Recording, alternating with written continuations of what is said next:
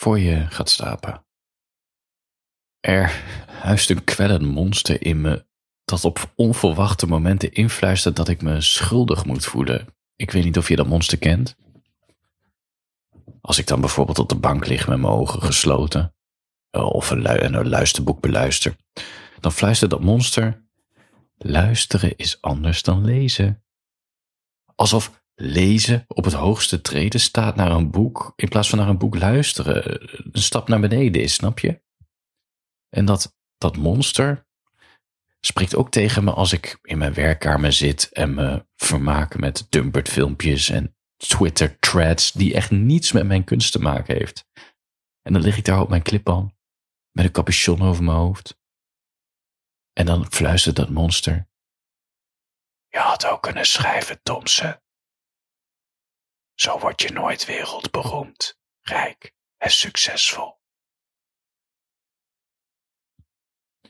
Belle stuurde me een berichtje over haar worsteling. Ze zei: Het is moeilijk om ergens aan te beginnen. Mijn moeder is in 2017 overleden en het heeft me duidelijk gemaakt dat het leven niet oneindig is. Het is moeilijk om nu aan bepaalde dingen te beginnen die je helpen in de toekomst. Want wie zegt dat het morgen niet voorbij is? Dus hoe doe je genoeg voor morgen en blijf je genieten van de dingen van vandaag? Einde citaat.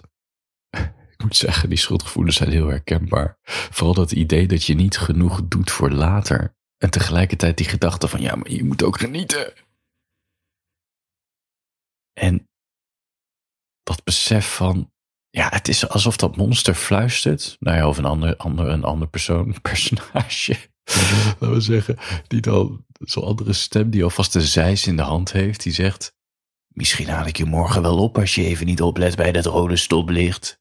Dus wat ben je aan het doen? Stop daar eens mee. Ga eens genieten.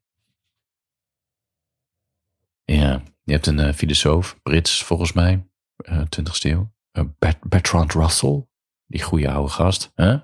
Bertrandje. Nee, hij zegt dat het besef voor later een overblijfsel is uit de tijd dat we besloten te gaan boeren. Dus in plaats van met de stam rondtrekken, een beetje eh, bijtjes plukken en mammoets uh, neer, neer. Ik wou zeggen neerlarpen. Maar dat is, dat is larpen. Neer uh, hameren. Neer pijn en bogen. Nou ja, dat. vereist een boerderijrun een hele andere mentaliteit. Het vereist planning. Want als je in de lente geen zaden plant, dan heb je in de zomer niets om te oogsten. En als je niks om te oogsten hebt, dan sterft je gezin. Ja, daar zit je dan in je eentje. Hè? Laatste appeltje op te vreten. En zo werkt het eigenlijk ook door naar de moderne mens. Het gevoel dat je nu iets moet doen om iets te bereiken in de toekomst. En de crux is natuurlijk dat dat nu ja, dat voelt aan als een gevangenis, omdat je constant bezig bent met later en niet meer in het nu bent. Hij schreef een essay, een, beroemd essay, die heet In Praise of Idleness. En op zich zegt de titel het al. Hij zegt, ja, we zouden wat minder hard ons best moeten doen met werken. Hij concludeert dat we als samenleving veel te veel werken en veel meer tijd moeten nemen om lekker lui te zijn. Gewoon ontspan, wees lui, boeien, het heeft geen functie, maak plezier.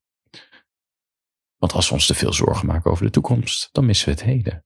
En hij pleit daarom ook voor dat we veel minder moeten werken en veel meer moeten spelen om zonder schuldgevoel andere dingen te doen tijdens onze vrije tijd. Hij pleit ons eigenlijk vrij van het schuldgevoel. Hij heeft ook voorgesteld om een vier uur werkdag in te, te introduceren. Dus vier uurtjes werken, vier uur. Lekker met jezelf spelen. ja, het is echt grappig. Maar goed, ik denk uiteindelijk zijn punt is natuurlijk, het is een tegengewicht tegen de in de jaren dertig al, die, die, die hang naar werken, slaaf van je bedrijf zijn. Zijn punt is heel saai, maar waar. Balans. Dus het schuldgevoel dat je te weinig met later bezig bent, is nergens voor nodig. Tegelijkertijd moet je ook niet laten verlammen door nu. Dus laat je niet opslorpen door de geneugten van het heden. Want later zal onvermijdelijk komen, of je dat nu wil of niet. En als het niet komt, Geloof me maar, daar merk je niks van. Als je geen genoeg kan krijgen van deze instapvalberichten, uh, er wachten nog veel meer verhalen op je. Ik heb meer dan drie jaar berichten in archief staan, wekelijks nieuwe afleveringen die vrij lang zijn. Uh, en die nooit het openbare daglicht zullen zien vanwege het persoonlijke karakter en alle geheimen die ik deel. Ga naar petjeaf.com slash Darko, abonneer je op Darko Ziel van Saturnus of doe een eenmalige donatie. Klik op die groene knop, log in en dan kan de magie beginnen. Handjes boven de dekens, slaap lekker.